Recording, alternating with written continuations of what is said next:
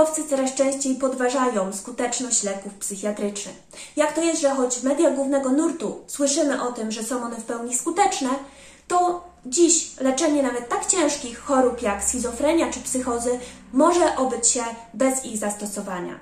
Jakie problemy metodologiczne zgłaszają naukowcy w zakresie badania właśnie skuteczności leków i skutków ubocznych?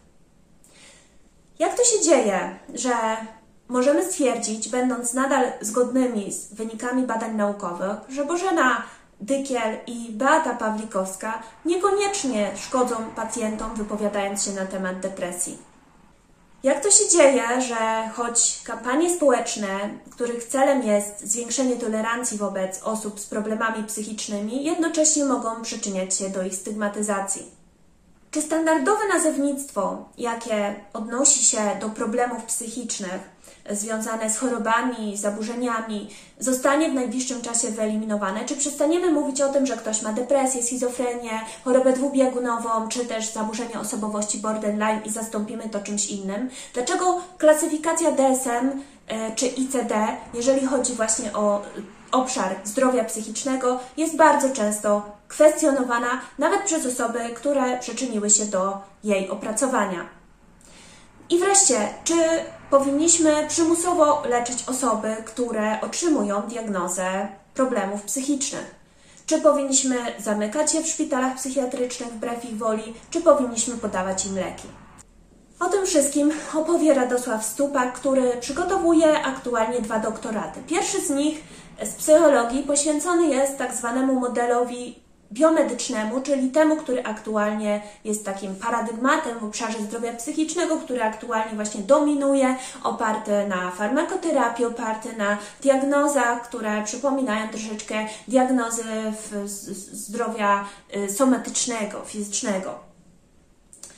W swojej pracy naukowej poszukuje alternatywnych rozwiązań. Analizuje też wyniki badań nad stosowaniem psychodelików w leczeniu chorób i zaburzeń. Psychodeliki e, dziś są kojarzone głównie z, ze szkodliwym odurzaniem się, e, z narkotykami, ale nie jest to do końca prawda, gdyż wcześniejsze badania pokazywały, e, no, że mają potencjał, jeśli chodzi o poprawę właśnie stanu zdrowia niektórych pacjentów. Drugi doktorat Radosława Stupaka jest z filozofii i dotyczy ideologii psychiatrii. E, przedstawia tą ideologię w świetle teorii krytycznej, która jest kojarzona właśnie z myślą lewicową oraz e, z perspektywy filozofii kultury. Dlatego też w kolejnej części rozmowy e, opowiada o tym, jaki jest związek pomiędzy właśnie podejściem do zdrowia psychicznego, a ideologią kapitalistyczną, która jest określana mianem często neoliberalnej, którą mamy dzisiaj współcześnie do czynienia, w której jakby żyjemy, a która ukierunkowana jest na efektywność, wydajność, e, taką sprawczość jednostki, e, na jej siłę, samowystarczalność, e, na rywalizację i właśnie osiąganie sukcesu. Radosław Stupak na co dzień pracuje na Uniwersytecie Pedagogicznym w Krakowie, ale doktoraty robi na Uniwersytecie Jagiellońskim, e, przy którym w Kolegium Medicum kończył również dwuletnią szkołę psychoterapii. Studiował także na Uniwersytecie w Petersburgu w Rosji i dwóch uniwersytetach holenderskich. Publikował w takich pismach akademickich jak Diametros, Psychiatria Polska, e, Archives of Psychiatry and Psychotherapy, International Journal of e, Environmental Research and Public Health, czy też Theory and Psychology. E, można jego felietony spotkać również w Nowym Obywatelu, który jest takim kwartalnikiem poruszającym istotne problemy społeczne. Zapraszam na rozmowę, która jest opublikowana w dwóch częściach. Nie chciałabym przestraszyć po prostu potencjalnych odbiorców trzygodzinnym plikiem, dlatego no, można sobie je odsłuchać na ratę. E, no, zachęcam po prostu do korzystania z wiedzy mm, autorytetów, ekspertów w tej dziedzinie, którzy no, nie czerpią w tym momencie korzyści finansowych z tego, że sprzedają usługi, czy też sprzedają na przykład konkretne e, produkty, medykamenty chociażby.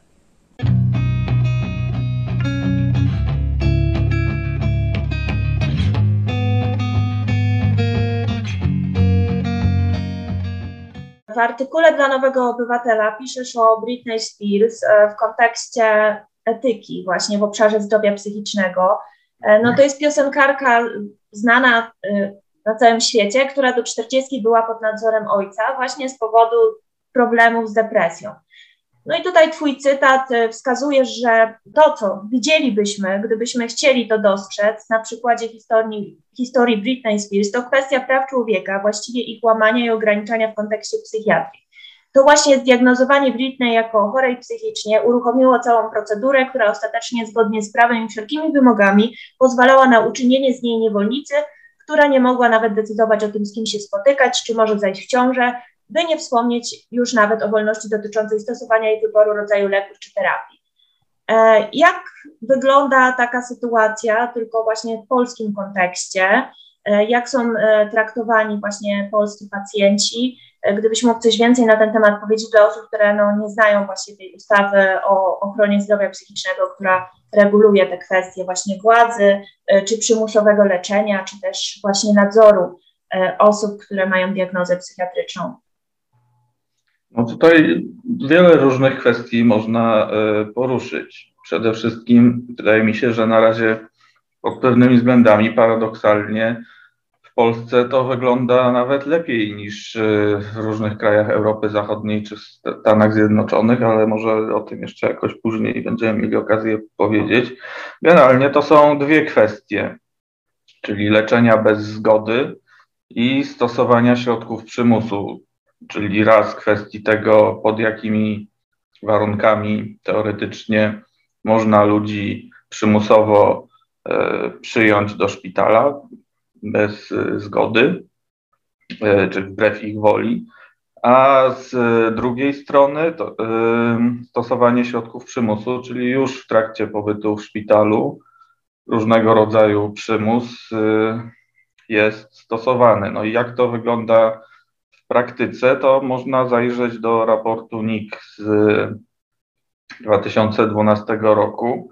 Mhm. I ten raport stwierdza między innymi, że w 83% kontrolowanych jednostek stwierdzono odstępstwa od rzetelnego dokumentowania e, wykonania obowiązujących procedur w zakresie przyjmowania do szpitala bez ich e, zgody czyli no jakieś tam przepisy są, ale w praktyce one są w zasadzie nieprzestrzegane, a przynajmniej nie ma rzetelnej dokumentacji, no ale brak dokumentacji może wskazywać na to, jak faktycznie e, te przepisy funkcjonują. Tutaj mogę zacytować fragmencik.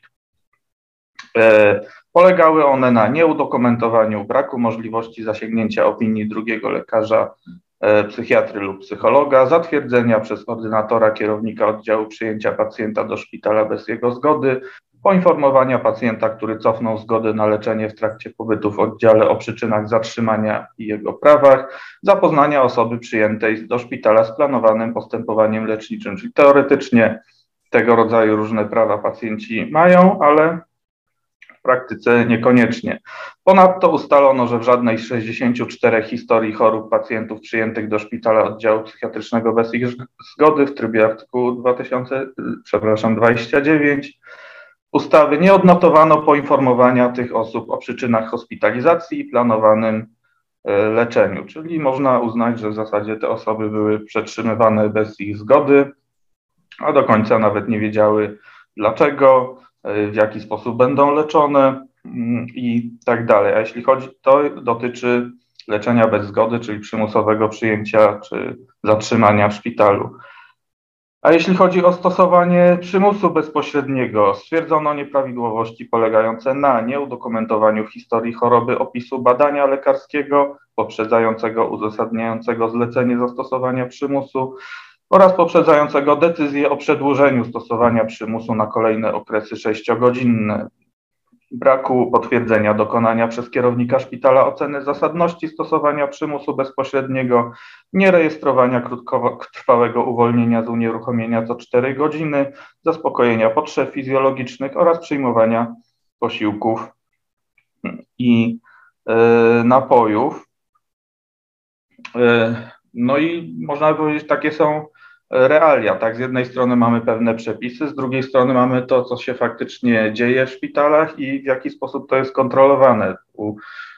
Od czasu do czasu można odnieść wrażenie, że ostatnio coraz częściej pojawiają się różne takie doniesienia medialne, nagłaśniane przypadki w zasadzie właśnie nieludzkich warunków czy nieludzkiego sposobu, w jaki osoby określone jako chore psychicznie są w szpitalach traktowane. To był na przykład głośny przypadek Krystiana Brola, któremu najprawdopodobniej właściwie e, wmówiono chorobę po to, żeby mm, ze względu na jakieś korupcyjne historie i w ten sposób go unieszkodliwiono, a potem on przez wiele lat nie mógł się z tego szpitala wydostać. Dopiero jak media to nagłośniły, to nagle się coś ruszyło i został wypuszczony. E, czy na przykład e, artykule Justyny Kopińskiej, oddział chorych ze strachu, tam no, wstrząsające historie E, związane właśnie na przykład z tym, ile godzin w sumie e, dzieci pozostawały przywiązane do łóżek, no i różne inne takie sceny, jak wręcz jak z obozów koncentracyjnych. E, ostatnio też inne przypadki, prawda, się, pojawiały się w różnych mediach.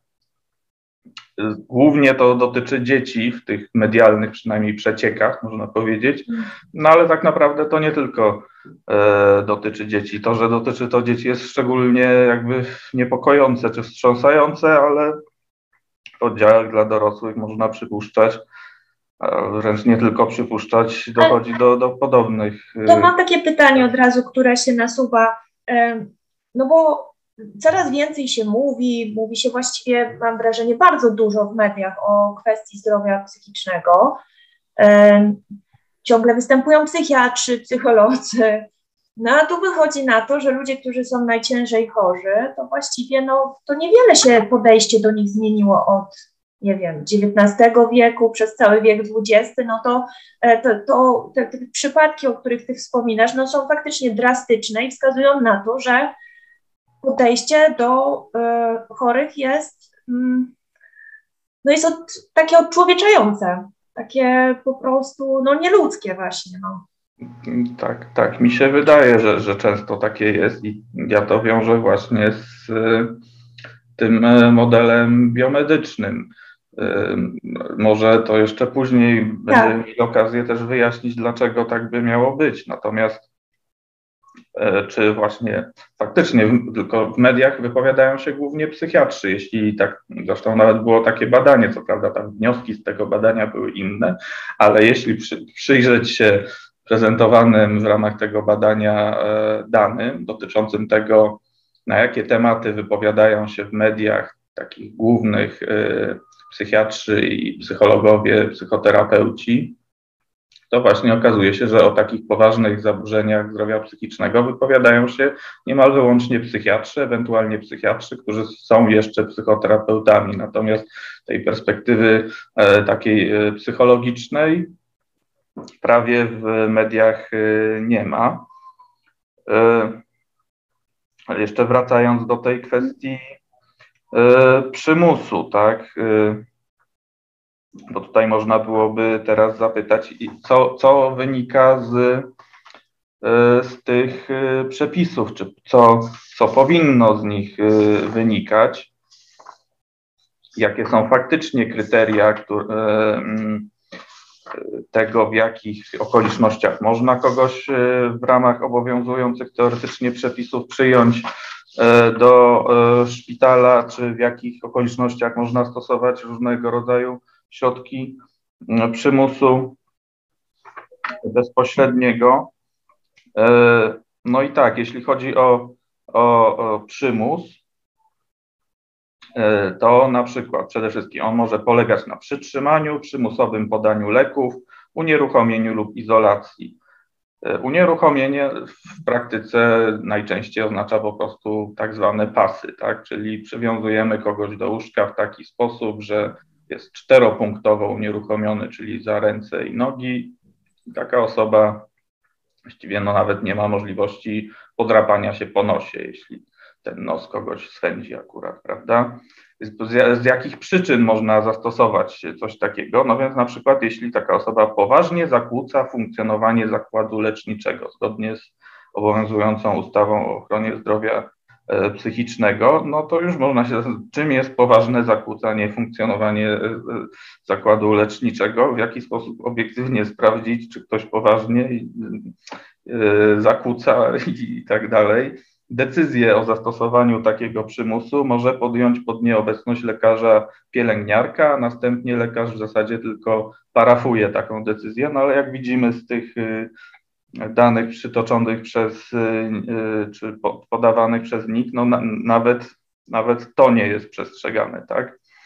E, mamy w tej ustawie też takie sformułowania, że stan fizyczny osoby z zaburzeniami psychicznymi unieruchomionej lub izolowanej kontroluje pielęgniarka nie rzadziej niż co 15 minut, również w czasie snu tej osoby. To jest całkowicie martwy przepis. Jeśli ktoś miał tę wątpliwą przyjemność widzieć, jak faktycznie to wygląda w szpitalach psychiatrycznych, no to nie jest wcale ten stan kontrolowany. Jeśli, jeśli e, innym pacjentom się to umożliwia, to wtedy zazwyczaj ci inni pacjenci się opiekują taką unieruchomioną e, osobą. Zgodnie z tą e, ustawą przymus bezpośredni może trwać tylko do czasu ustania przyczyn jego zastosowania. W wypadku, jeśli mamy zastosowanie przymusu dlatego, że ktoś poważnie zakłóca funkcjonowanie, to już nas jakby to jest przyczyna, no to e, zastosowanie przymusu bezpośredniego automatycznie sprawia ustanie tej przyczyny. To jest w ogóle absurdalne, no ale mm. mniejsza o tym ten przymus jest zlecany na czas nie dłuższy niż 4 godziny. Co 4 godziny lekarz powinien kontrolować stan pacjenta i decydować, czy nadal jest zasadne stosowanie przymusu. To też w praktyce mm, y, nie ma miejsca tak naprawdę. Y, I tam są jeszcze bardziej różne szczegółowe przepisy, no ale E, ogólnie rzecz biorąc, tak to wygląda, jeśli chodzi na przykład o przedłużanie tego przymusu, tak to wygląda, jeśli by chodziło o prawo. No dobra, to teraz od razu się jakby nasuwano, bo zwykły człowiek może sobie pomyśleć, no ale może to jest niezbędne. No, to w ogóle jest w naszych ustawach zapisane, dlatego że większość ludzi myśli, że to jest niezbędne, e, uważa, że osoby chorujące są agresywne, no i może to się faktycznie robi dla ich dobra. No rozumiem, że ty się jakby temu sprzeciwiasz, tak? Z, swoich tekstów e, tak to wynika, że... No, tak, ja się temu sprzeciwiam. Uważam, że inaczej zorganizowanym, lepiej finansowanym i też opierającym się na innej logice i rozumieniu e, tych problemów można byłoby stosowanie tego typu przemocy zminimalizować, a wręcz e, wyeliminować mm, całkowicie. Też e, sami pacjenci mają na ten temat różne e, opinie.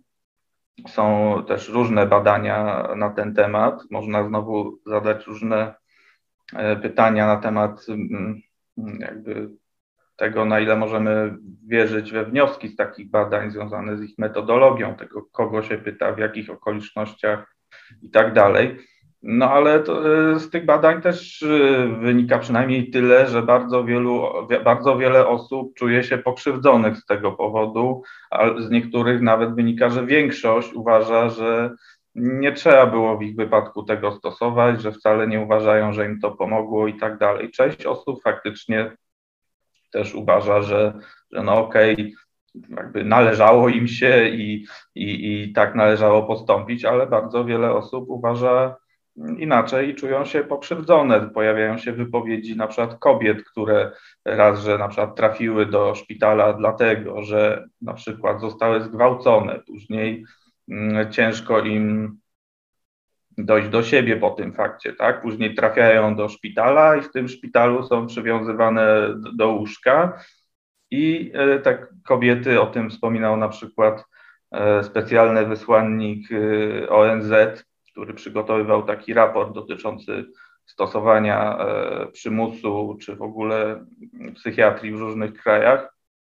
On później opowiadał, że był wstrząśnięty, bo, bo e, przychodziły do niego kobiety i mówiły, żeby przestać tak robić, bo po prostu samo to doświadczenie bycia unieruchomionym, związanym, e, przywiązanym do łóżka przypomina im to, jak były gwałcone. No i tu można się zastanawiać w związku z tym, tak, czy, czy faktycznie w ten sposób powinniśmy traktować ofiary przemocy, narażając je na jeszcze więcej y, przemocy.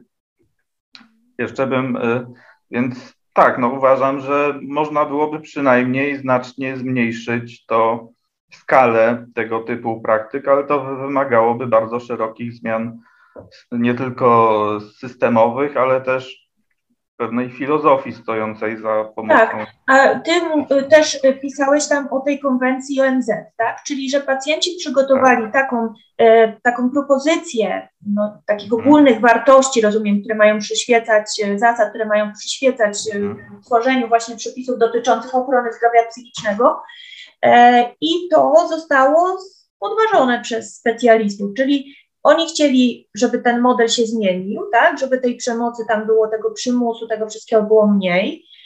Natomiast specjaliści uważają, że to jest nieracjonalne, nierozsądne, tak, i, e, i że to musi zostać. I tam pisze, że oni to nawet próbują teraz, rozumiem, odrzucić i przygotować coś, co przywróci jakby, tak, ten status. No nie, znaczy to, to trochę jest tak, ale trochę nie do końca tak. Mhm. Mowa jest o konwencji ONZ do, do praw osób z niepełnosprawnościami. I mhm. tutaj konkretnie, no najlepiej jakby się na ten temat wypowiedzieli e, sami zainteresowani, ale to już jest właśnie na poziomie jakby mm, pewnych zaleceń czy oficjalnych e, mm, rekomendacji wy, wy, wystosowanych przez Organizację Narodów y, Zjednoczonych. I tam konkretnie rzecz się rozbija o jeden z artykułów, artykuł 12 konkretnie. Muszę, muszę sobie tutaj, y, musiałbym sobie tutaj znaleźć y, ten fragment.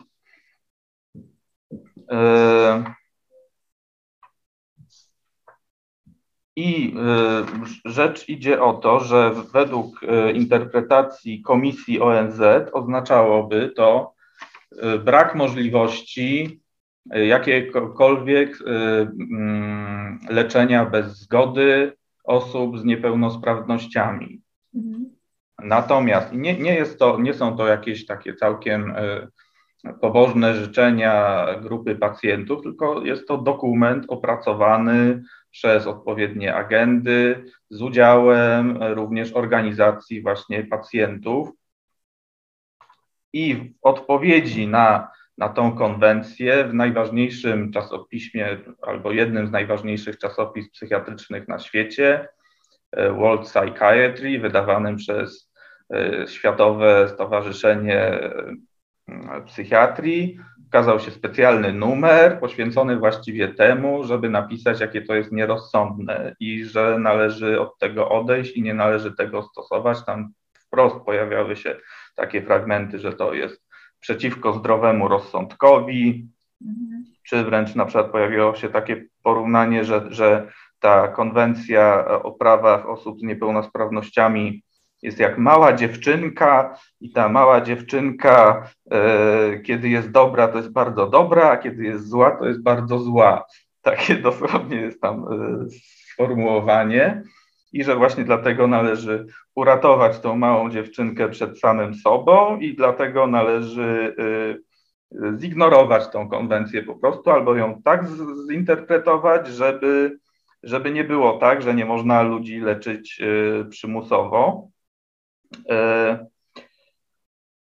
no właśnie, no więc e, przeciwko temu znowu e, w odpowiedzi na, na ten ruch znowu protestowały organizacje pacjentów, na przykład ENUS, czyli European Network of Users, Survivors, Ex-Patients, a tak to się rozwija, nie jestem pewien tym momencie, którzy też brali udział w opracowaniu tego, no i właśnie się sprzeciwiali, że jakby przede wszystkim, y, mm, czy jeden z wielu zarzutów, który tam się pojawiał, polegał na tym, że mówi się o nas, y, czy jakby za nas się znowu podejmuje decyzję, że to dotyczy pacjentów, a tutaj mm, za tych pacjentów mają decydować jakieś inne gremia, bo mówią, że to, co pacjenci wypracowali, jest jest nierozsądne i przeczy zdrowemu rozsądkowi.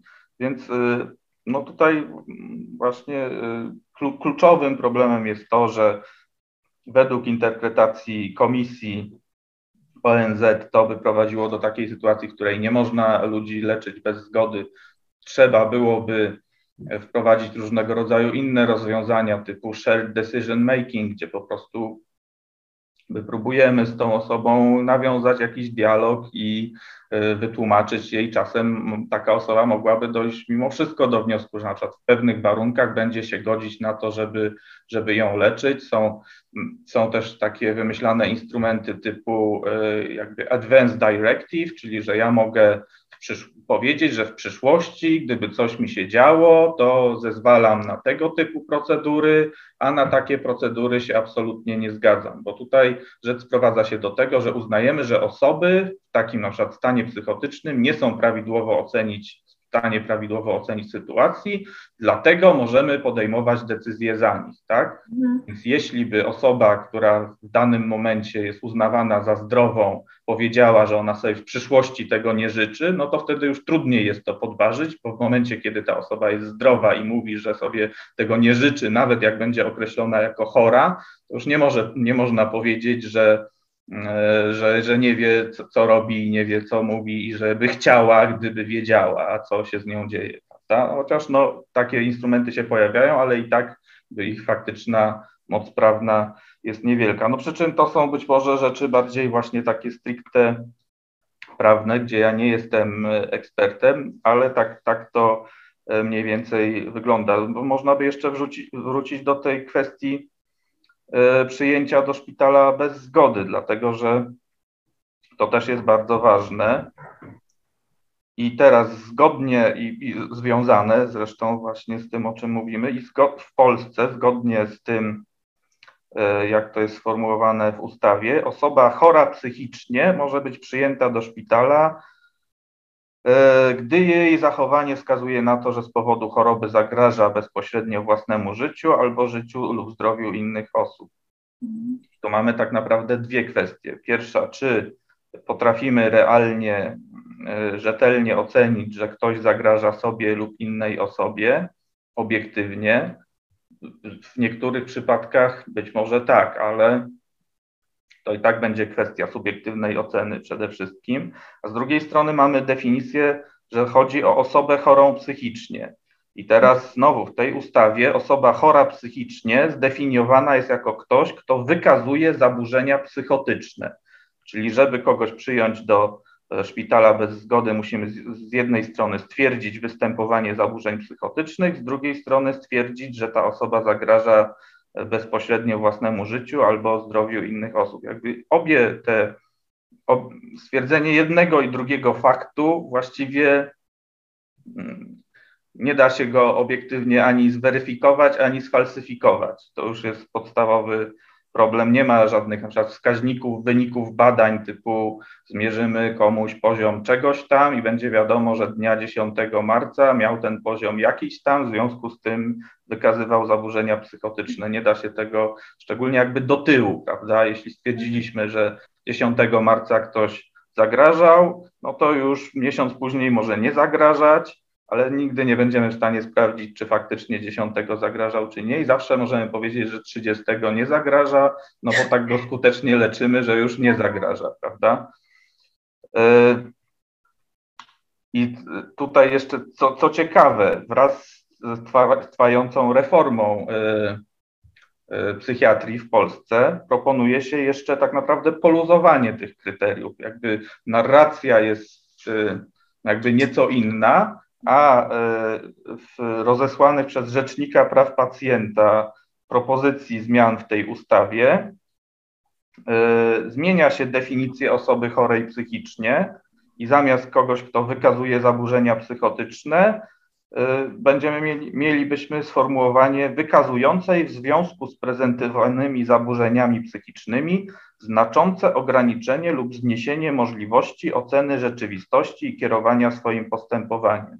Mhm. Do tej pory jest problem, bo trzeba u kogoś e, wykazać występowanie zaburzeń psychotycznych, co może stanowić pewien problem. Natomiast e, wykazanie znaczącego ograniczenia lub zniesienia możliwości oceny rzeczywistości, no już nie wymaga przynajmniej diagnozy któregoś zaburzeń psychotycznych, więc tak naprawdę leczenie przymusowe byłoby dostępne dla każdego dostępne dla każdego. Byłoby znacznie łatwiejsze, tak, byłoby znacznie łatwiej ludzi przyjmować do szpitala ze zgody wraz z tymi, tam jest jeszcze e, proponowane szereg różnych innych zmian, na przykład ułatwiających przymusowe leczenie dzieci. W wypadku dzieci nawet nie, nie trzeba, nie byłoby tej konieczności spełnienia definicji osoby chorej psychicznie, wystarczyłoby, e, wystarczyłyby jakiekolwiek zaburzenia psychiczne, bo, E, są też takie na przykład zniesienie osobistego badania pacjenta w przypadku konsultacji, czyli na przykład decyzję o zastosowaniu przymusu albo przedłużeniu przymusu mógłby lekarz wydawać przez telefon e, czy przyjęciu przymusowym, nawet nie widząc, e, jako druga opinia, nawet nie widząc tego pacjenta na oczy. To by była de facto legalizacja tych nieprawidłowości, na które wskazywał Mam pytanie w takim układzie jedno. Czy masz może pomysł, dlaczego ludzie nie dostrzegają w tych przepisach zagrożenia również dla samych siebie? Przecież to otwiera drogę do e, umieszczania e, w zakładach psychiatrycznych, nie wiem, nielubianych sąsiadów, jakichś przysłowiowych, albo e, no po prostu, nie wiem, krewnych, którym, którym chcemy, nie wiem, y, wytargać majątek jakiś, albo e, no nie wiem, po prostu z powodów politycznych. No, e, ja po prostu ten sam problem napotykam w przypadku tej tak zwanej, e, tego postpenalnego, e, tej detencji, mhm. po, która się odbywa z przyczyn psychiatrycznych w Gostyninie, kiedy ludzie odby, odbędą karę, e, odsiedzą wyrok, który dostali, są kierowani na podstawie diagnozy psychologicznej, właściwie na dożywotnią odsiadkę do, do tego ośrodka. To znaczy, to mówi się, że to jest terapia, natomiast no, ponieważ to, to jest na podstawie, no cóż, zaburzenia, nie wiem, jakichś preferencji seksualnych na przykład, albo no to, to w praktyce nie ma e, skutecznej mm, terapii na to, tak, to nie jest e, jakaś grypa czy cokolwiek, co można, gdzie przejdzie się pewną, nie wiem, kurację antybiotykową, czy, czy jakiś inny, nie wiem, zestaw szczepień i, i kiedyś ten człowiek wyjdzie na stan dzisiejszej wiedzy raczej nie wyjdzie, chyba że zdarzy się cud i po prostu, czyli cud w postaci woli, że ktoś, nie wiem, popatrzy na człowieka, psycholog i powie, nie no, tego to może już zwolnijmy, tak? E, to jest tego typu sytuacja, albo siedzą ludzie na e, detencji przed, e, kiedy są podejrzani o popełnienie przestępstwa i wpadają w taką dziurę, że potrafią przesiedzieć całe życie w szpitalu psychiatrycznym właściwie za nic. Już kilkunastokrotnie by wyszli za to, nawet gdyby na przykład tam o taką historię, kiedy się omawiałam, ukradł rower, czy był podejrzany w ogóle o kradzież tego roweru i trafił na całe życie do, do zakładu psychiatrycznego. I to jakby y, ludzie, nie wiem, że, że ludzie się przeciwko temu nie buntują, że nie dostrzegają tego zagrożenia, że to może spotkać każdego z nas, to mnie to szokuje y, nawet poluzowanie, tak jak tutaj mówisz, tych przepisów. Czy ty masz pomysł, z czego to w ogóle wynika? Może y, na, czym, jaka jest motywacja osób, które takie mm. przepisy wprowadzają? Cięż, ciężko mi powiedzieć, dlaczego tak jest, bo to będzie tylko na poziomie y, różnych takich y, spekulacji. Może po prostu przede wszystkim być może ludzie o tym e, nie wiedzą, no bo zazwyczaj jeśli, szczególnie o tych planowanych zmianach, ani w ogóle jak tak naprawdę te przepisy e, wyglądają, poza tymi ludźmi, którzy są bezpośrednio zainteresowani tym, bo chcą kogoś na przykład e, ubezwłasnowolnić, albo tymi, których to spotkało, bo niewiele się tak naprawdę mówi o tym, jak to wygląda w szczegółach, mówi się w mediach zazwyczaj tyle, że jest to precyzyjnie regulowane przez ustawę i, i prawda, kończy się na tej formułce, więc, więc ludzie być może po prostu nie, nie zdają sobie sprawy z tego. no, ale nie zdają sobie sprawy z tego, że właściwie jutro mogą y, trafić przymusowo do szpitala, bo tak, przepraszam, no takie te, te kryteria, które podajesz, bo jeszcze nawet od biedy można komuś wmówić e, stan psychotyczny, tak? To znaczy też można e, go diagnozować no, kogoś, kto go nie ma, no były przypadki. Nie, nie jest to takie proste, ale, ale jest ale, trudniejsze. Ale no. można. No. Przy czym to zresztą znowu działa w dwie strony, tak? Niedawno była ta afera z e, ordynatorem jednego ze szpitali, który po prostu za łapówki wystawiał e, zaświadczenia o tym, że ktoś choruje psychicznie. Dzięki temu tak. ludzie unikali kary. No i to właśnie pokazuje, na ile to jest. Go złapano tylko dlatego, że złapano go na gorącym uczynku, jak przyjmował pieniądze. Inaczej właściwie nie dałoby się udowodnić, że on poświadczał nieprawdę, no bo trudno, bo tak samo jak trudno jest udowodnić, że właśnie jakby udowodnić, że ktoś nie jest chory, jak już zostanie określony przez któregoś z psychiatrów jako chory, szczególnie jeśli chodzi o takie diagnozy chronicznych zaburzeń jak mhm. schizofrenia czy choroba afektywno-dwubiegunowa, no właściwie się nie da. To jest taki trochę paragraf 22. Ciężko jest udowodnić, że ktoś nie jest chory, bo nawet jeśli nie prezentuje objawów, to zgodnie z tą logiką po prostu akurat ma remisję i tak. Wcale nie znaczy, że kiedyś ich nie miał i tak dalej, i tak dalej. Znaczy, żebym ja tu była tak jakby ścisła, ponieważ ja jakby współpracowałam z, ze stowarzyszeniem, znam trochę tych rodzin e, pacjentów właśnie psychiatrycznych, to ja wiem, że e, presja na łagodzenie tego przepisu o przymusowym leczeniu jest ze strony ich, ze strony rodzin, tak. E, i oni mają dobre intencje. Ja to jakby wiem, bo to jest, to, intencja jest jakby dobra, dlatego że to jest e, w tym momencie to zagrożenie życia lub zdrowia, to po prostu jest okłamywanie. To znaczy, rodziny robią w ten sposób, że kiedy widzą, że zbliża się czy trwa ten stan psychozy, i już nie dają sobie rady i uważają, że ta osoba musi trafić do szpitala, a ona się sprzeciwia, no to wtedy oni mówią, że zagraża i wtedy y, życzliwa policja przyjeżdża i zabiera tą osobę. Ja jakby wiem o tym, natomiast ja, ja wiem, że to jest problem, natomiast ja dostrzegam dużo, dla mnie dużo gorsze jest to zagrożenie, które płynie z tego dla wszystkich innych, którzy też niekoniecznie są chorzy, tak? I na to, na to można znowu z dwóch stron spojrzeć, bo właśnie faktycznie te, na przykład takie poluzowanie tych przepisów ułatwiałoby rodzinom tak. umieszczanie tak. Członków rodziny w szpitalu. Tylko to jest pytanie, czy to jest w interesie pacjentów, tych osób, osób określonych jako chore, czy to jest w interesie rodzin. To niekoniecznie są te same interesy. Tu właśnie jeśli by nam weszła taka perspektywa psychoterapii systemowej na przykład, no to można się e, zastanawiać, dlaczego akurat ta osoba jest identyfikowana w, tej, w tym systemie jako pacjent, jaką ona pełni rolę dla tej rodziny. Oczywiście to są bardzo skomplikowane i delikatne sprawy i czasem takim rodzinom jest bardzo trudno i dobrze by było, gdyby miały faktycznie zapewnioną jakąś kompleksową opiekę i pomoc.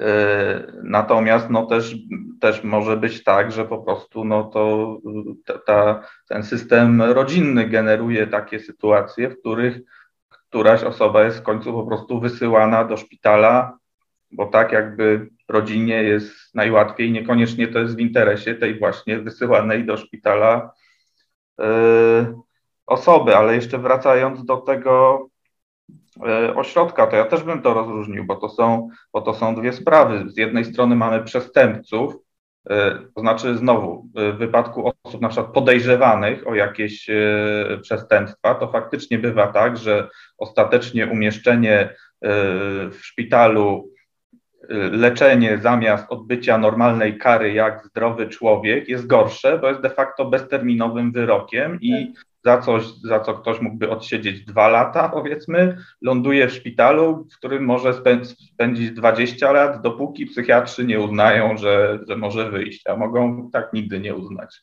teoretycznie. No i zresztą ten przypadek Krystiana Brola na przykład pokazuje, że on tam spędził 8 e, lat, a wyszedł tylko dlatego, że nagłośniły to media. Są różne takie przypadki ludzi, którzy za jakieś drobne przestępstwa e, trafili mm, na 20 lat do, za kratki, tyle że do szpitala. To jest jedna sprawa. Czy z jednej strony mamy, e, z drugiej strony mamy jakąś taką kwestię, że tutaj chodzi o to, że po prostu ludzie mogą być pozbawiani wolności, dlatego że podejrzewamy, że w przyszłości mogą zrobić coś. Czyli jakby to jest taka prewencja polegająca na tym, że pozbawiamy ludzi wolności, którzy nie złamali jeszcze prawa. Tak? I to jest, i to jest y, taki trochę raport mniejszości, tylko taki raport mniejszości, gdzie tej przyszłości tak naprawdę nie potrafimy przewidywać. A A z drugiej strony, w wypadku tego ośrodka, no to tam faktycznie mamy do czynienia z przestępcami, na przykład z pedofilami, prawda? I tu faktycznie badania raczej pokazują, że szansa takiej rehabilitacji polegającej na tym, że takie osoby by nie popełniały więcej tego typu przestępstw jest niewielka. Choć też pewnie to się zdarza, ale tu raczej mamy do czynienia z czymś takim, gdzie zamiast na przykład podwyższyć wyroki za gwałt, to stosujemy jakiś taki dziwny wybieg, w którym y, którym przerzucamy trochę odpowiedzialność na, na psychiatrię czy na, e, czy na właśnie leczenie i i tak, ten, ja tylko powiem jedną rzecz. Pokazuje, to tak naprawdę też pokazuje tą społeczną rolę psychiatrii, która też jakby właśnie tutaj wprost to widać, zajmuje się po prostu izolacją pewnych ludzi określonych jako niebezpiecznych. Tylko w Ale chcę wypadku, tylko tutaj w tym wejdę. wypadku to ma jakieś uzasadnienie, prawda? To znaczy, to znaczy to tak. Należałoby przedłużyć wyroki zamiast tworzyć jakiś taki dziwny system. No albo potem jakiś dozór też na przykład nałożyć, no jeżeli to jest faktycznie kwestia zaburzeń seksualnych. Natomiast mhm. e, niestety, tak jak się spodziewano, kiedy ten ośrodek był e, uchwalany, czyli zakładany, e, w tym momencie tam po, ta ilość po, zwielokrotniła się po prostu. Już teraz budują kolejny, bo już tych osób jest prawie tam 200, a miało być, nie wiem, 20 może maks, czy tam 15 w ogóle, a po drugie nie siedzą tam w ogóle ludzie tylko z, tylko z tego typu problemem seksualnym. Czy to nie jest ośrodek, gdzie siedzą pedofile w tym momencie, czy gwałciciele, tylko to są już ludzie właściwie zadowolone przestępstwa, ponieważ ta ustawa tego nie określa. Czyli dokładnie znowu przerzucono jakby problem e, no, no cóż, systemu sprawiedliwości na psychiatrię, która w sposób y, uznaniowy, y, czy tam na psychologię, bo tam diagnoza psychologiczna, można po prostu gdzieś tam do, no, wydawać wyroki, no, tak mówiąc wprost. Trochę tak, chociaż nie, nie, no ja nie wiem, jak to tam wygląda w szczegółach. Nie wiem, czy faktycznie, bo mm, Formalnie psycholog w ogóle w naszym systemie nie stawia diagnozy medycznej. Może stawiać diagnozę psychologiczną, która jest właśnie na przykład takim oceną poziomu funkcjonowania różnych funkcji poznawczych i tak dalej, i tak, tak. dalej. E, natomiast e, diagnozują te kody ICD, e, wpisują teoretycznie wyłącznie psychiatrzy, więc jeśli mówimy o tym, że to ma dotyczyć jakichś osób z jakimiś zaburzeniami, no to to musi być diagnoza e, psychiatryczna. Bo, bo formalnie, to znaczy, no nie do końca, no, psycholog kliniczny też się podsługuje taką nomenklaturą, no nie wpisuje kodu, natomiast tak, no, tak. określa, że to podejrzewa taką osobowość, inną, podejrzewa zaburzenie tak, preferencji, to, to tak. jakby jest, no.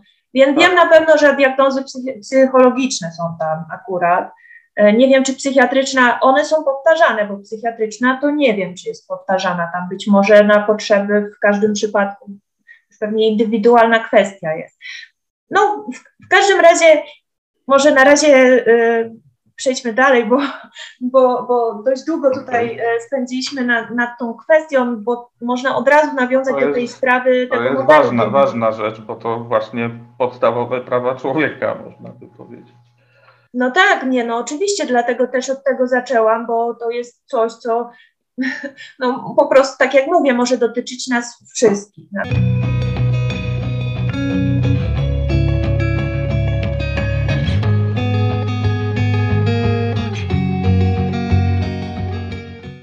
Ty jakby pogłębiasz wiedzę na ten temat, zajmując się nad, nad, nad różnymi aspektami tego problemu właśnie zdrowia psychicznego, tym krytyką, rozumiem, tego biomedycznego modelu.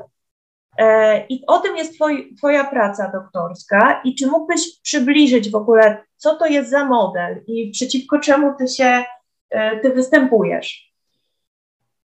To jest bardzo ciężko w kilku słowach powiedzieć, o co, o co mi chodzi w, tej pracy, która aktualnie jest jeszcze w recenzji, żeby było jasne, chociaż składa się z, de facto z czterech artykułów opublikowanych e, w porządnych e, czasopismach naukowych. Natomiast e, przeciwko czemu? No tutaj zależy od, znowu, no, to jest bardzo szeroki problem. Najkrócej mówiąc, ten model biomedyczny, chodziłoby w nim o to, że traktujemy zaburzenia, to co nazywamy zaburzeniami psychicznymi, jak choroby, jak problemy medyczne, które związane są po prostu z tym, że komuś nieprawidłowo funkcjonuje jakaś część ciała, układ nerwowy, mózg. W związku z tym nasze oddziaływania sprowadzają się do tego, że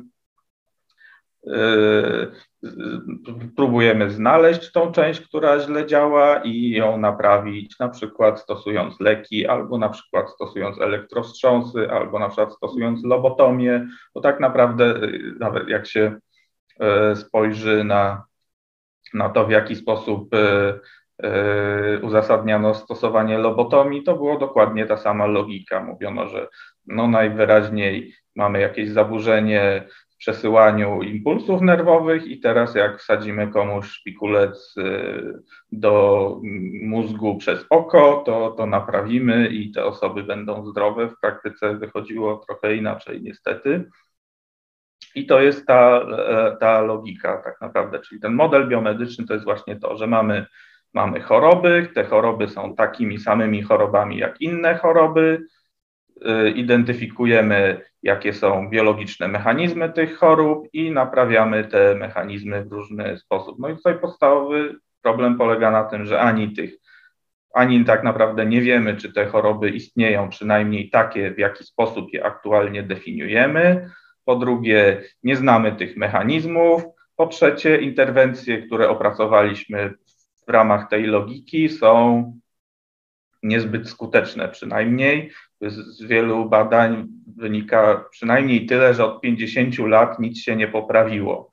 Czyli mamy y, y, no de facto, bo to tak by należało datować mniej więcej początki tego modelu biomedycznego, tak nowoczesnego modelu biomedycznego, to by była gdzieś połowa lat 50., jak wchodzą pierwsze leki przeciwpsychotyczne, później E, czy wypromowane jako przeciwpsychotyczne, tak właściwie należałoby powiedzieć, czy już byłoby 70 lat. Z różnych metaanaliz, które się teraz pojawiają, wynika, że od 50 lat się wyniki leczenia nie poprawiają, mimo tego, że przez 50 lat w ramach tej logiki operujemy, ponoć coraz skuteczniejsze leki, ponoć coraz lepiej rozumiemy mechanizmy, ale najwyraźniej niewiele się tak naprawdę no ale co ty mówisz, tak. słuchaj, no wczoraj poruszyłam na spotkaniu towarzyskim, był też jakiś inny psycholog i ja powiedziałam, że no właściwie to tutaj takie te nowe badania to pokazują, że praktycznie te leki no to nieskuteczne, może to wycofają w ogóle.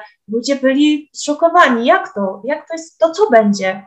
Ja mówię, no, no nic nie będzie, no może by, no terapia może być jakaś, w ogóle po prostu um, są tak przekonani o tym, że, że dla nich to jest szokujące, ponieważ oni są przekonani, że e, leki naprawdę mają wysoką skuteczność, że to jest tak mniej więcej jak no właśnie z grypą, czy z jakąś, nie wiem, anginą, że weźmie się antybiotyki e, i po prostu wychodzi się zdrowym. To jest tak silnie wypromowane, no a właśnie ty też powołujesz się na badania, które pokazują, że no nie do końca tak. Właśnie Możesz trochę właśnie więcej powiedzieć, jak to jest właśnie z tą skutecznością, jeśli chodzi o, o tą, no bo inaczej krytyka nie miałaby sensu, prawda, bo każdy by mógł powiedzieć właśnie, no co pan tutaj, jak to jest skuteczne. Mogę, ale to jest znowu y, bardzo zawiły y, temat, bo to jest związane na przykład właśnie od początku jakby wychodząc z rzetelnością i trafnością diagnoz, i tutaj znowu rzetelność oznacz, oznaczałaby to, że na przykład podobne problemy przez różnych psychiatrów powinny być diagnozowane jako to samo zaburzenie. Tym, tymczasem jedna osoba może dostać od różnych psychiatrów trzy różne diagnozy i one w zasadzie wszystkie będą tak samo poprawne, tak, albo tak samo niepoprawne.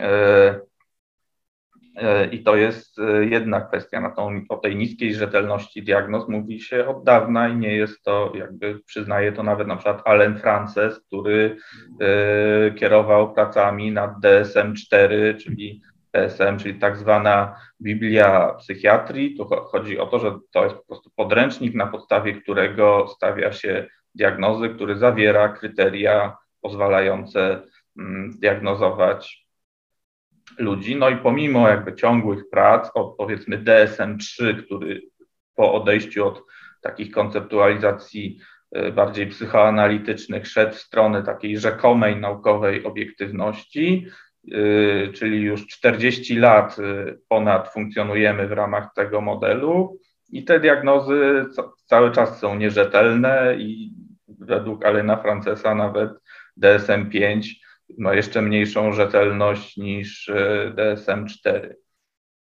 To znowu może być związane na przykład z tym, jak faktycznie diagnozy stawiane według takich kryteriów wyglądają, czyli mamy na przykład jakieś zaburzenie i mamy listę dziewięciu zachowań czy jakiś oznak tego, że jakieś zaburzenie występuje. Żeby je zdiagnozować, to musimy stwierdzić występowanie na przykład pięciu z tych oznak.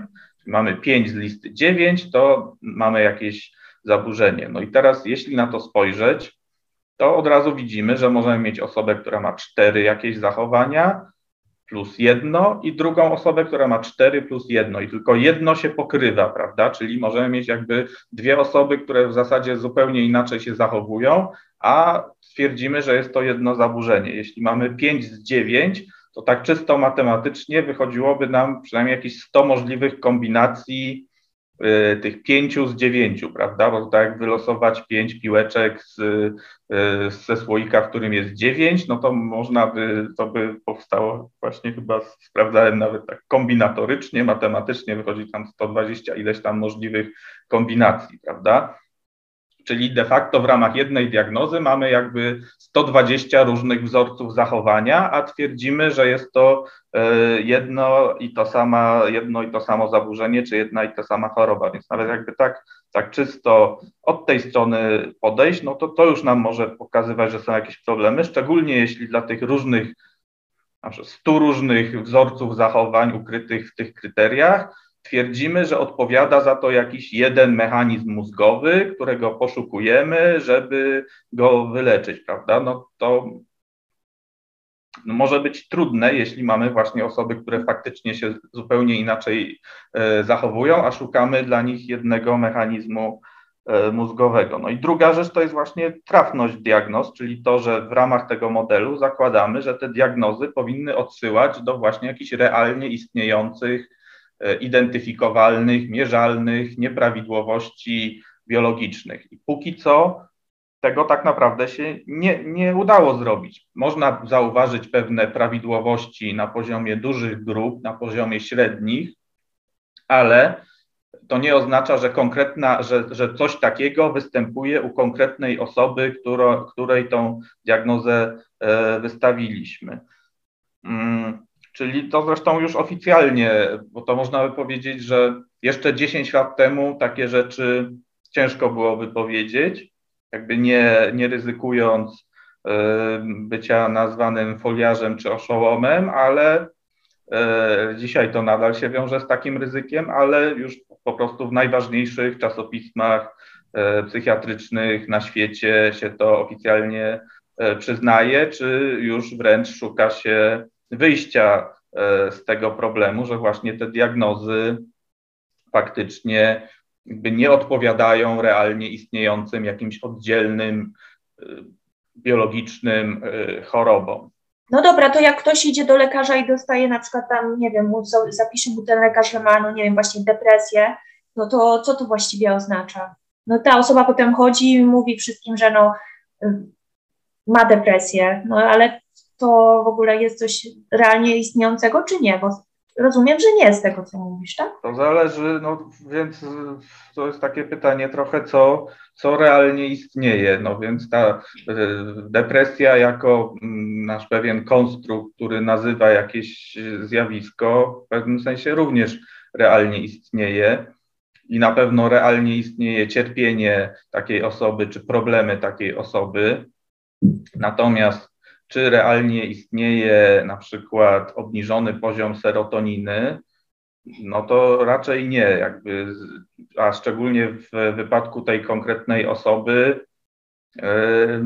Też na, na pewno tego nie wiadomo. Żeby to było wiadomo, to trzeba byłoby to, prawda, zmierzyć jakoś, a to nie dość, że się, że ciężko to jest w ogóle zmierzyć, szczególnie jakby w żywym mózgu. Można ewentualnie mierzyć pośrednio poprzez na przykład poziom prekursorów czy poziom e, metabolitów we krwi, ale to znowu niekoniecznie odpowiada e, w uproszczeniu poziomowi jakiegoś neuroprzekaźnika w mózgu. Zresztą, no, gdybyśmy, nawet gdybyśmy w ten sposób diagnozowali, no to już byłby jakiś, e, jakaś zaleta, no ale nie diagnozujemy w ten sposób, prawda? Właśnie na przykład mm, dlatego też to porównanie, powiedzmy, e, depresji, czy, czy choroby afektywno-dwubiegunowej, czy schizofrenii do cukrzycy jest nieuprawnione, no bo w wypadku cukrzycy mamy jakieś e, obiektywne wskaźniki, które nam pozwalają stwierdzić e, taki poziom cukru. Mamy przynajmniej te normy. One też są do pewnego stopnia arbitralnie ustalone, ale jednak wynikają z pewnych badań Wiemy, że w takim przedziale fajnie by było, jakby się te wyniki mieściły. A natomiast w wypadku depresji przykład nie ma nic takiego. Są też różne badania, które e, pokazują, że e, na przykład próbowano e, poprzez zmianę diety w taki sposób, żeby ograniczyć tryptofan, który jest prekursorem serotoniny, wpływać na to, że ludzie faktycznie będą mieli wtedy deficyt serotoniny, prawda? I to mm, eksperymentalnie podzielono ludzi na grupy, no i efekt był taki, że wcale niekoniecznie prowadziło to do depresji. U niektórych prowadziło, u niektórych nie prowadziło. Najbardziej podatni na depresję w takim warunku, gdzie im ograniczono tryptofan, były osoby, u których wcześniej zdiagnozowano depresję i wcześniej dobrze odpowiedziały na leki antydepresyjne. To by mogło sugerować, że jest jakaś taka podgrupa wśród tej grupy ludzi, którym diagnozujemy depresję, która faktycznie dobrze odpowiada na leki, albo mogłoby też sugerować, że te osoby, które brały leki i one dobrze na nie odpowiedziały, że to długotrwale wpłynęło na ich mózg w taki sposób, że stały się jakoś wy, wy, wy, wybitnie podatne na przykład na znowu obniżony poziom serotoniny, no bo też jest tak, że te leki, mhm. one zawsze się mówi, że one działają dopiero po tygodniu, znaczy po trzech tygodniach czy po czterech, że organizm się musi przyzwyczaić, no bo właśnie w ramach tego przyzwyczajania się do leku, po prostu organizm się jakby przeorganizowuje, tak, to jak działa mózg się zmienia i, i tak dalej, no więc... Y, to jest y, jedna rzecz, czyli jeśli taka osoba słyszy od lekarza, że ma depresję, no to w zasadzie wie tylko, że tak to zostało zdiagnozowane mhm. i leki faktycznie mogą e, takiej osobie pomóc, ale nie muszą, mogą też, e, mogą też zaszkodzić. Są też znowu różne wyniki badań, również takie, które sugerują, że przykład antydepresanty zwiększają ryzyko e, samobójstw, a nie zmniejszają, co znowu pod znakiem zapytania stawiałoby tą narrację, że nieleczona depresja prowadzi do śmierci, więc wszyscy muszą leczyć, leczyć depresję. Raczej z badań wynika, że większość przypadków samoistnie depresji, jakby niezależnie od leczenia po 3, 6, 9 miesiącach e, przechodzi. Tak. E, I, i, I tak dalej. No więc, no, no właśnie, no to jest wszystko bardzo zawiłe. No i teraz tak, ja mam też od razu, no tylko, że ten problem będzie dotyczył też niestety e, psychoterapii wtedy i badań nad nią, z czym ty się pewnie nie zgodzisz do końca, bo pewnie bardziej się ukierunkowujesz w tą stronę. Ja jakby jestem sceptyczna do obu, no bo ten, to jest jakby ten sam problem. Psychoterapia jest długoterminowa, prawda, metodologicznie um, spotykamy jakby taką samą, że, że, że po jakimś czasie trudno powiedzieć, na ile jest to samoistne cofnięcie się tych objawów, a na ile Zgadza się. Mo można taki zarzut zasadnie w stosunku do psychoterapii, ale też w stosunku do farmakoterapii e, wysunąć. Mm, tylko może jeszcze jakby no. szczególnie w wypadku depresji, no to mówi się tak naprawdę, że skuteczność psychoterapii i farmakoterapii jest podobna. Z kolei jeśli chodzi o skuteczność e, antydepresantów, tych tak zwanych nowoczesnych, czyli już jakby od 30 lat na rynku e, SSRI, czy tych trochę nowszych typu SNRI, to też wychodzi raczej, że ich skuteczność jest porównywalna do placebo i to w takich badaniach, tak jak się te, ich skuteczność mierzy, czyli krótkoterminowych, czyli 4-8 tygodni, tak y, zdecydowana większość badań właśnie tak wygląda, podczas gdy ludzie stosują te leki minimum pół roku, rok, dwa, nawet 10 lat. W Stanach Zjednoczonych na przykład jedna czwarta ludzi bierze antydepresanty ponad 10 lat. To znowu może być związane z tym, że trudno im jest je odstawić, bo znowu z innych badań, które niedawno się pokazują, wynika, że nawet jedna czwarta osób może mieć poważne objawy odstawienia w momencie, kiedy próbuje zrezygnować z antydepresantów, co znowu może być związane z tym, że raz te objawy odstawienia w momencie, kiedy ludzie odstawiają leki, są interpretowane jako nawrót choroby, mimo tego, że tak naprawdę to są po prostu objawy odstawienia, czy w jakiejś mhm. części, w części z tych przypadków a z drugiej strony nie wiemy tak naprawdę do końca, jak prawidłowo te leki, zarówno antydepresanty, jak i leki przeciwpsychotyczne, jakie prawidłowo odstawiać, bo w zasadzie nikt tak naprawdę do tej pory nie zbadał, jak prawidłowo te leki odstawiać, tak żeby minimalizować ryzyko nawrotu. I to dotyczy zarówno e, depresji, jak i mm, e, leków przeciwpsychotycznych. Dopiero niedawno, dosłownie chyba rok temu, pojawiło się takie badanie w schizofrenia Bulletin, czyli też jednym z, jeśli chodzi o schizofrenię, to jedno z najważniejszych czasopism medycznych a i w ogóle jedno z najważniejszych czasopism medycznych. I mm, tam właśnie autorzy wskazują, że jest też mm, jakby y, biologiczne uzasadnienie mm, różnych takich zjawisk związane z tym, jak wygląda za, zajęcie receptorów przez y, te leki przeciwpsychotyczne, bo one działają najprościej mówiąc w taki sposób, że blokują receptory dopaminowe, czyli zmniejszają pobudzenie organizmu, tak y, można by to najkrócej mówiąc, ale e, ten stopień zajęcia czy procent zajęcia receptorów rośnie hiperbolicznie, to znaczy przy bardzo niskich dawkach y, niewielkie zmniejszenie dawki dramatycznie zwiększa procent zajętych receptorów, a im większa dawka, tym powiększanie dawki powoduje mniejszy wzrost. I gdzieś mniej więcej przy poziomie 80% zajętych receptorów, dalsze zwiększanie dawki już w zasadzie w ogóle nic nie daje, jeśli chodzi o zajęcie receptorów.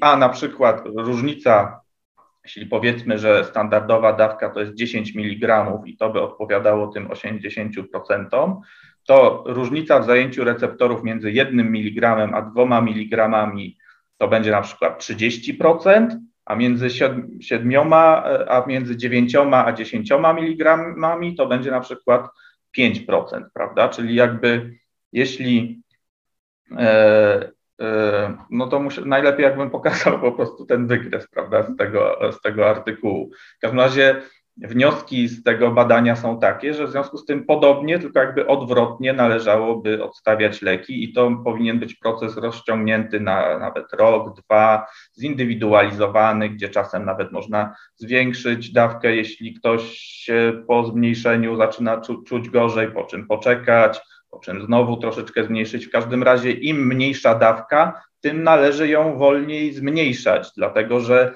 im mniejsza dawka, tym to wtedy malutka zmiana dawki leku powoduje ogromne różnice w jego działaniu tak naprawdę. I to samo dotyczy antydepresantów. Też niedawno się pojawiło takie badanie, gdzie jest bardzo, bardzo podobnie, mniej więcej mm, gdzieś tak od, od 3 e, czwartych zazwyczaj stosowanych dawek do 100% zazwyczaj stosowanych dawek już jest bardzo niewielka różnica e, w jakby właśnie w tej tak biologicznie mierzonej poziomem na przykład właśnie zajęcia receptorów sile działania, natomiast wcześniej to rośnie bardzo dramatycznie. I teraz znowu, jak odstawiamy, to powinniśmy e, jakby najpierw można zwiększać większymi krokami, a później należałoby bardzo powoli zwiększać bardzo małymi krokami, żeby minimalizować ryzyko e, objawów odstawienia, ale to dopiero teraz się pojawiają takie wyniki, które zresztą wynikają z tego, co mhm. pacjenci zgłaszali wcześniej, tylko długi, przez długi czas te ich głosy były ignorowane i to, co teraz y, naukowcy proponują, żeby sprawdzić, czy działa, jest w dużej mierze zbieżne z tym, co pacjenci niezależnie, szczególnie właśnie na przykład e, w Stanach Zjednoczonych e, czy części Europy Zachodniej, gdzie ten ruch faktycznie niezależnych organizacji pacjenckich jest y, spory, a który nie istnieje zupełnie w Polsce. Mhm. I te organizacje właśnie tego typu rekomendacje jakby opracowały niezależnie czy wręcz wbrew oficjalnemu do niedawna jeszcze stanowisku psychiatrii. Teraz dopiero jakby nauka powoli zaczyna potwierdzać to, co wcześniej niezależnie wypracowali pacjenci, którzy próbowali te leki odstawiać, ale albo to mhm. było przez e, psychiatrów bagatelizowane, e, albo mówiono im, że nie, nie mogą tego robić i tak dalej. Wróćmy na chwilę jeszcze do kwestii diagnoz, bo ty mówisz, że jest jakaś alternatywa, alternatywna możliwość diagnozowania, tak? Chciałam o to zapytać, no bo no, krytyka to jest jedno, ale ludzie zawsze właśnie mają tą potrzebę, żeby zaproponować im coś innego. Czy w ogóle są jakieś pomysły, y, jak y, do tego podejść, tak? Są różne pomysły, no więc właśnie dlatego, że już jakby również psychiatrzy dostrzegli E, czy przynajmniej ci jakby faktycznie publikujący w tych najważniejszych czasopismach na świecie dostrzegli e, problem, e, to są, są różne alternatywy proponowane. Jednym z nich jest na przykład Research Domain, Domain Criteria proponowane przez National Institute of Mental Health w USA, gdzie oni wprost stwierdzili, że nie będą się stosować do DSM-5 na przykład, no bo właśnie między innymi ze względu na te wszystkie rzeczy, o których mówiłem wcześniej, tylko spróbują jakby od zera, od, od podstaw, od danych neurobiologicznych wypracować nowe kryteria niezależne od tych diagnoz e, DSM czy, czy ICD. One są w dużej mierze zbieżne, choć też nie identyczne. Czy są też propozycje w typ, typu E, HITOP, czyli Hierarchical Taxonomy of Psychopathology, gdzie znowu próbuje się jakby te, te klocki rozbić i po prostu sprawdzić, czy można je poukładać trochę inaczej, według trochę różnej, trochę, trochę innej e, logiki. Generalnie można by powiedzieć, że są cztery takie główne nurty, czyli kategorialny, czyli, czyli ten, gdzie mamy tak jak mhm. właściwie głównie dzisiaj czyli że właśnie myślimy w kategoriach takich kategorii, e, e, gdzie mamy takie wyraźne granice między normą, patologią, między zaburzeniem, brakiem zaburzenia, między jedną jednostką chorobową a drugą jednostką chorobową. Tylko w ramach tej logiki mówi się, że jeśli tak będziemy szli dalej, tak, e, w tym momencie mamy powiedzmy 500 tych diagnoz, Kiedyś mieliśmy 300, a kiedyś mieliśmy 100. Jak, i, I jak będziemy coraz więcej tych kategorii tworzyć, to w końcu nam te kategorie trafią w coś, co faktycznie istnieje. Tak by można to nieco złośliwie powiedzieć. W każdym razie chodziłoby o to, żeby właśnie do, doprecyzow, doprecyzowywać te kategorie. Drugie podejście to jest takie dymensjonalne, czyli wymiarowe, gdzie już zwraca się uwagę na to, że właśnie ta różnica między na przykład tym, jaka wypowiedź jest urojeniem, a nie jest urojeniem, to już jest tak naprawdę bardziej skomplikowany problem filozoficzny, bo to znowu trzeba by zacząć od różnych definicji urojeń. Te definicje się zazwyczaj odwołują do tego, e, jaki jest stan faktyczny albo jaka jest prawda, więc żeby stwierdzić, czy coś jest urojeniem, to trzeba wiedzieć, jaka jest prawda i tak mhm. dalej, i tak dalej, i tak dalej. Tak jakby gdyby się trzymać tych definicji przynajmniej. No i, e, tu, i też to, że mamy po prostu bardziej mm, do czynienia z pewnym kontinuum, tak, czyli że pewne cechy rozkładają się jakby na tej krzywej Gaussa i po prostu u niektórych są bardziej nasilone, u, u innych mniej, ale to nie jest tak, że mamy do czynienia z jakąś jakościową różnicą, tylko wtedy pytanie pojawia się, gdzie mamy postawić granicę, prawda? Czy na przykład y, powiedzmy, że jeśli coś występuje w 3% populacji, to czy to już jest choroba, czy dopiero jak występuje w 5% populacji, tak? Bo na tej krzywej będziemy mieli tak, że mamy około 66%, którzy są y, jakby jedno odchylenie standardowe od, od średniej i im dalej w jedną lub w drugą stronę, tym te przypadki są rzadsze, tak by można powiedzieć, że właśnie różnego rodzaju też to, co nazywamy symptomami, też by się mogło roz, rozkładać e, w taki, w taki sposób. Wtedy pytanie jest, gdzie stawiamy tą, e, to odcięcie. Trzecie, no to jest właśnie takie podejście, że zacznijmy od danych neurobiologicznych i zobaczmy, czy się da to jakoś sensownie zorganizować. A czwarte to jest to, które mnie jest najbliższe, i to byłoby na przykład właśnie Power Threat Meaning Framework promowane dość intensywnie przez y, British Psychological Society, albo takie dość podobne trochę podejście związane z Richardem y, Bentalem, też takim y, brytyjskim psychologiem, który właśnie jakby wychodząc od tego, że krytykując to DSM, zwracając uwagę na arbitralność tych diagnoz, niską rzetelność, trafność, nakładanie się na siebie różnych kategorii i tak dalej, i to bardzo rzetelnie dokumentując, też pokazując, jak to się zmieniało w historii, z czego te różne kryteria e, wynikają, jak się mają na przykład do takich ojców założycieli e, psychiatrii, jak e, Kreplin, Schneider i, i inni, to czy Jaspers, to on proponuje, żeby skupić się na complaints, tak jak to mówi, czyli na konkretnych skargach, tak? I wtedy interesuje nas to, z czym człowiek do nas przychodzi, jaki ma problem, a nie jaką ma, a nie jak go, nie jak go zaklasyfikować, nie jaką postawić diagnozę, tylko jak rozwiązać konkretny problem tej osoby. I można by to też przenieść do badań, czyli wtedy abstrahowalibyśmy od diagnoz, a interesowałyby nas raczej poszczególne, e, bardziej konkretne problemy. No i można by powiedzieć, że to jest trochę tak, jak mówił Kępiński, tak, że nie ma pacjenta, jest człowiek, czyli że interesuje nas człowiek w całej swojej pełni z różnymi problemami, ale a nie ten hipotetyczny konstrukt, ta diagnoza, którą przyklejamy i wtedy leczymy tą diagnozę, można by powiedzieć. No więc chodziłoby o to, żeby nie leczyć diagnoz, tylko żeby pomagać ludziom, no tak y, najprościej.